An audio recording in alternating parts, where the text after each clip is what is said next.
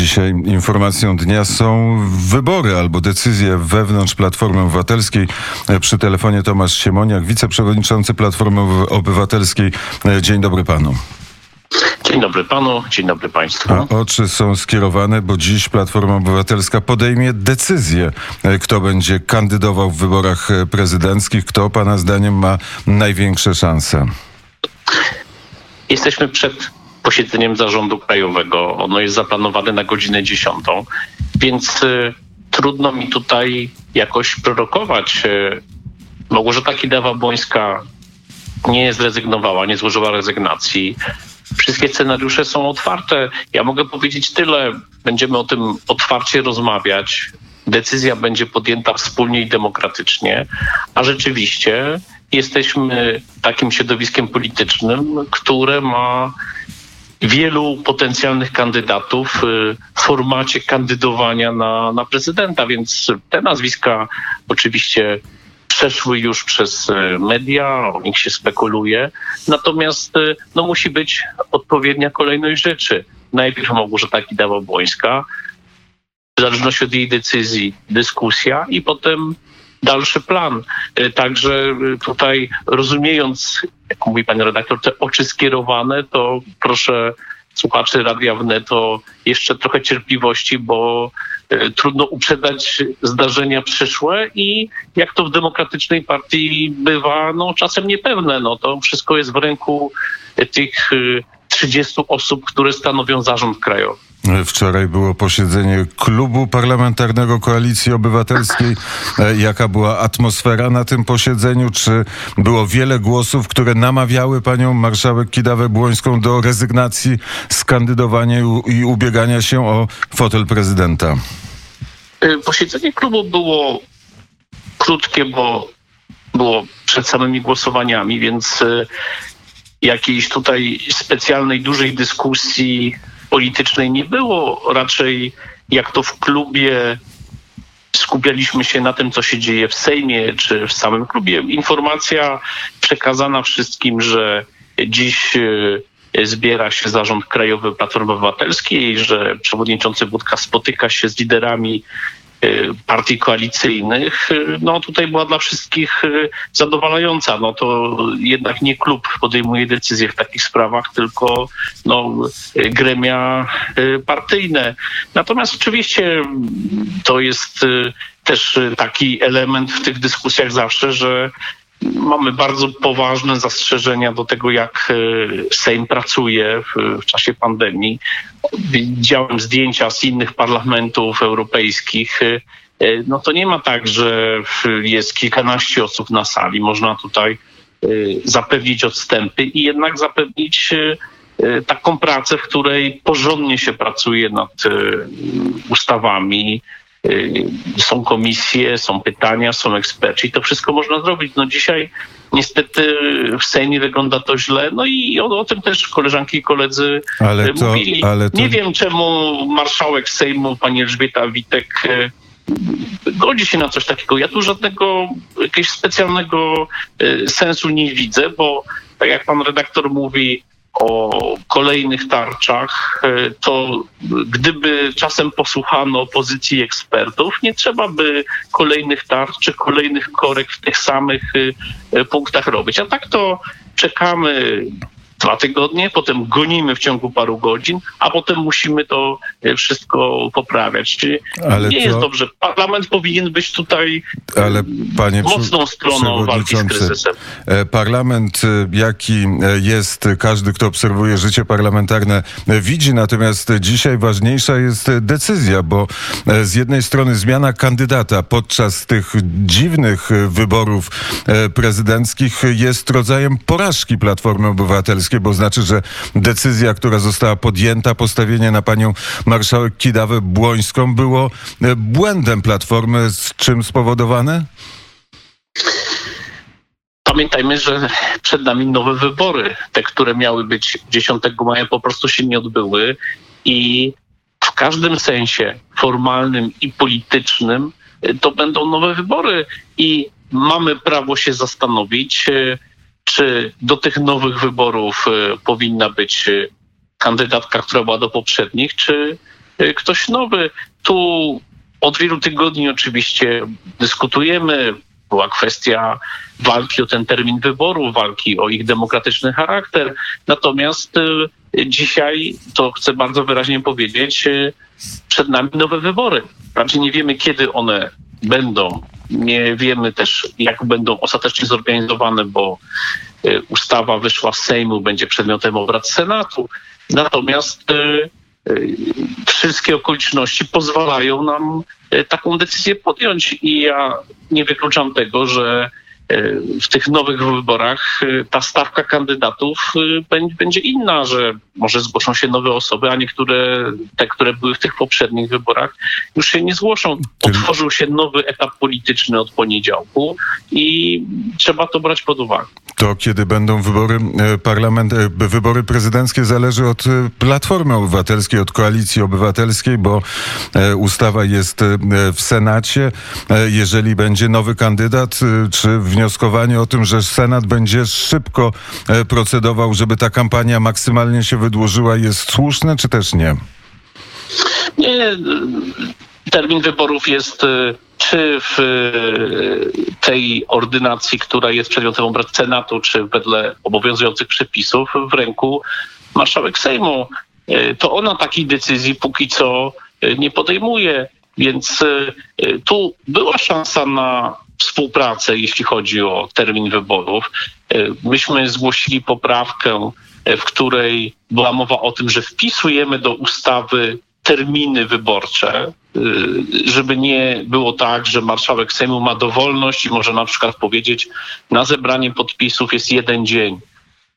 Nie przyjęli tego rządzący, a gdyby przyjęli, to pewnie już bylibyśmy po pracy Senatu i temat byłby zamknięty. Bo to jest obawa, jest... rozumiem, że to jest obawa polityków e, Koalicji Obywatelskiej, że w momencie, kiedy ustawa wyjdzie e, z Senatu, wróci do parlamentu, to wtedy terminy ogłoszone przez panią marszałek będą zbyt krótkie, żeby e, kandydat Koalicji tak. Obywatelskiej mógł być oficjalnym, Ale... zarejestrowanym kandydatem w wyborach prezydenckich. To jest e, oczywiście, patrząc politycznie, to jest taka obawa.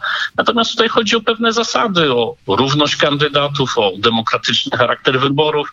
No nie powinno być tak, że tego rodzaju kompetencja jest e, w ręku jednego polityka, który sprzyja jednemu kandydatowi. Ma konstytucyjną kompetencję marszałek Sejmu rozpisania wyborów, wyznaczenia ich terminu, ale nie powinien mieć możliwości wkraczać w samą procedurę wyborczą. Ale o to nam tutaj to chodziło. Jest, to jest konsekwencja braku zaufania na polskiej scenie politycznej, bo też e, ufać Prawo i Sprawiedliwość nie ma powodu, żeby ufać koalicji e, obywatelskiej, że w momencie, kiedy się na coś zgodzi, to koalicja obywatelska e, to dotrzyma, dotrzyma słowa. Tak to już jest, więc to w rękach polityków jest, żebyśmy mogli zdecydować o tym, kto będzie prezydentem Rzeczpospolitej i ich mądrości. Prawda? Ale oczywiście, że nie ma tego zaufania, dlatego najlepszym rozwiązaniem e, zawsze jest e, taka współpraca, gdzie można sobie zagwarantować e, pewne rozwiązanie i absolutnie w Sejmie były wszystkie przesłanki ku temu, żeby ustalić, y, jakie mają być tutaj y, terminy. Ale panie przewodniczący, to się nie, nie zgodzę, bo wpisanie e, terminów e, oznacza, że człowiek wie, jak będzie procedował Senat. Jak Senat przedłuży e, o miesiąc procedowanie, to wtedy te terminy, które wyznaczy pani marszałek, mogłyby być nieaktualne i wtedy opozycja by powiedziała, zobaczcie, jaki chaos jest w Polsce, nie potrafią zorganizować wyborów prezydenckich. Nieprawda, więc... nieprawda, bo y, zwróćmy uwagę na to, że ta kompetencja kompetencja y, marszałka Sejmu do dowolnego ustalenia tych terminów wewnątrz procedury wyborczej jest w tej ustawie, która y, dopiero jest w Senacie. Nic nie stoi na przeszkodzie, żeby te terminy, które są wpisane dziś w ordynacji, zastosować do tych y, wyborów wedle procedury sugerowanej przez PKW i nie było tu by żadnego problemu. To są rzeczy od wielu wyborów ustalone. Były wybory w tym skróconym trybie po katastrofie smoleńskiej w 2010 roku, więc wystarczyło to zastosować. Nie rozumiem, dlaczego w tej ustawie najnowszej wpisuje się taką dowolność dla marszałek Sejmu. Przecież termin wyborów musi być ustalony. To po co mieszać w ramach tego kalendarza wyborczego? Tutaj trudno się dziwić, że no nie mamy zaufania do e, takiego rozwiązania, skoro nagle marszałek Sejmu e, dostaje kompetencje, której nigdy nie miał i której po prostu nie powinien mieć i e, marszałkowie Sejmu w przeszłości z żadnego ugrupowania kompletnie nie aspirowali do tego i tutaj walka z pandemią, te ograniczenia nie mają nic z tym wspólnego. Marszałek Sejmu wyznacza termin wyborów i bieg zdarzeń do tego terminu powinien być opisany w tak jak dziś w ordynacji wyborczej, on nie powinien. To może to, może to było, powinno być e, e, obrady okrągłego stołu. Jakieś obrady okrągłego stołu trwają na temat wyborów e, prezydenckich. To może wszyscy politycy powinni powiedzieć, wybory prezydenckie w Polsce będą 28 czerwca. Dołożymy wszelkich starań, albo 7 lipca, wszystko jedno. Dołożymy wszelkich starań, żeby w tym terminie były. I może taka deklaracja publiczna Ale, wyjaśniłaby wszelkie wątpliwości. Stół był inicjatywą lewicy i to dobrze. E, natomiast e, e, został zwołany na środę w kontekście tego, że Sejm miał przyjmować nowelizację ordynacji w czwartek.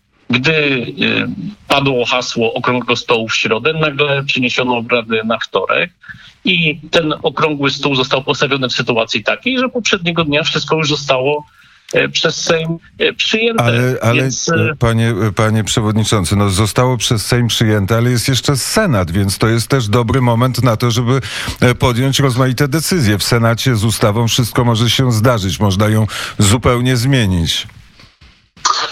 Ustawy zupełnie zmienić nie można. Senat tutaj nie ma dowolności na ten temat. W sposób istotny poprawić. Już może poprawić i z pewnością takiej poprawki Senat dokona. Natomiast e, tego dialogu brakuje, tu się zgadzam. E, dużo łatwiej by było, gdyby po prostu była rozmowa o różnych sprawach. Wydawało się w poniedziałek, gdy pani wicepremier Emilewicz przedstawiała ten projekt, że współpraca z opozycją to będzie znak firmowy tego projektu, że będzie inaczej niż e, do tej pory, ale żadna nasza poprawka, najdrobniejsza, nie została przyjęta, więc tu żadnego gestu nie było ze strony rządzących.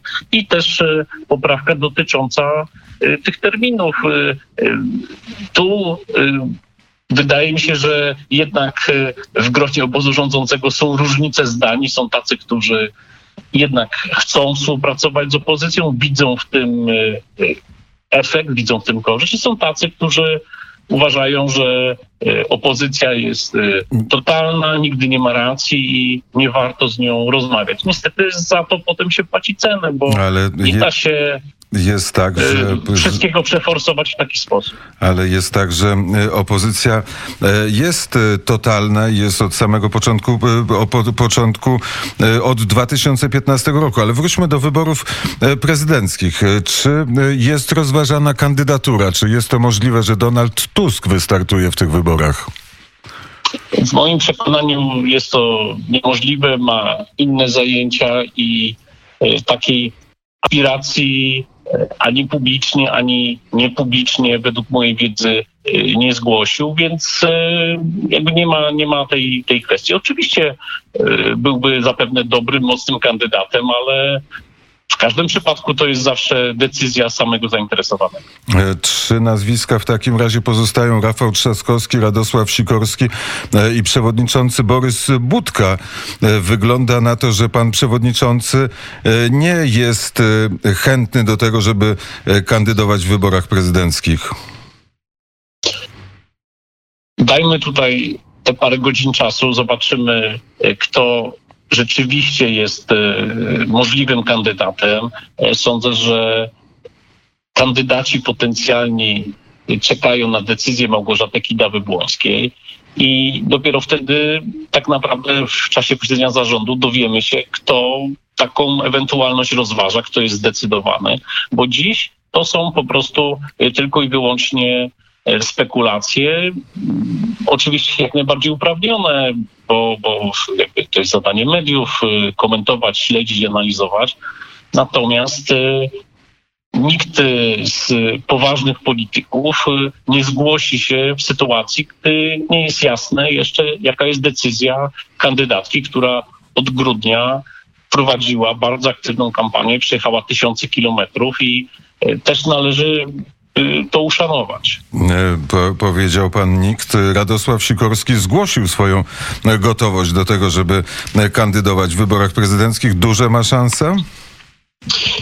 Jeśli on to warunkował, no za każdym razem widziałem tej wypowiedzi tym, że jeżeli Małgorzata Kidawa-Błońska zrezygnuje z kandydowania, na pewno jest osobą niesłychanie doświadczoną. Już 10 lat temu w prawyborach kandydował, przegrał wtedy z późniejszym prezydentem Bronisławem Komorowskim. Oczywiście tu mówiłem o tym, że mamy dobrą sytuację w sensie takim, że kilka osób z doświadczeniem z formatem prezydenckim i z pewnością Radosław Sikorski do takich osób należy, ale jest kilka innych jeszcze osób, które jak najbardziej nie wiem, jakie są ich opinie, zdania, ale jak najbardziej pasują do tego. Ale te wybory będą kompletnie inne niż wszystkie pozostałe. Ta sytuacja jest bardzo specyficzna, więc tu ktoś po prostu musi chcieć i wiedzieć, jak ciężkiego zadania się podejmuje. To nie jest radosna, prawyborcza kampania, gdzie tutaj można porównywać programy, aktywność. Tu trzeba popatrzeć na politykę, na kalendarz i na to, co można zrobić w ciągu tych To już na zakończenie pytanie. Dzisiaj dowiemy się, czy Małgorzata Kidawa-Błońska, pani marszałek, rezygnuje, czy też nie. No to jest pytanie do niej. Więc z tego, co wczoraj się mogłem zorientować, też miałem okazję z panią marszałek rozmawiać. Ona chce tę decyzję podjąć dziś, więc trudno tutaj spekulować, co, co się wydarzy. To jest po prostu jej decyzja. Czasem w życiu, w polityce, we wszystkim jest tak, że jeden człowiek decyduje o uruchamianiu jakiejś rzeczy, bądź nie. I to jest tego rodzaju sytuacja. To znaczy, że pan już wie, jaka to będzie decyzja? Nie, nie wiem, nie wiem.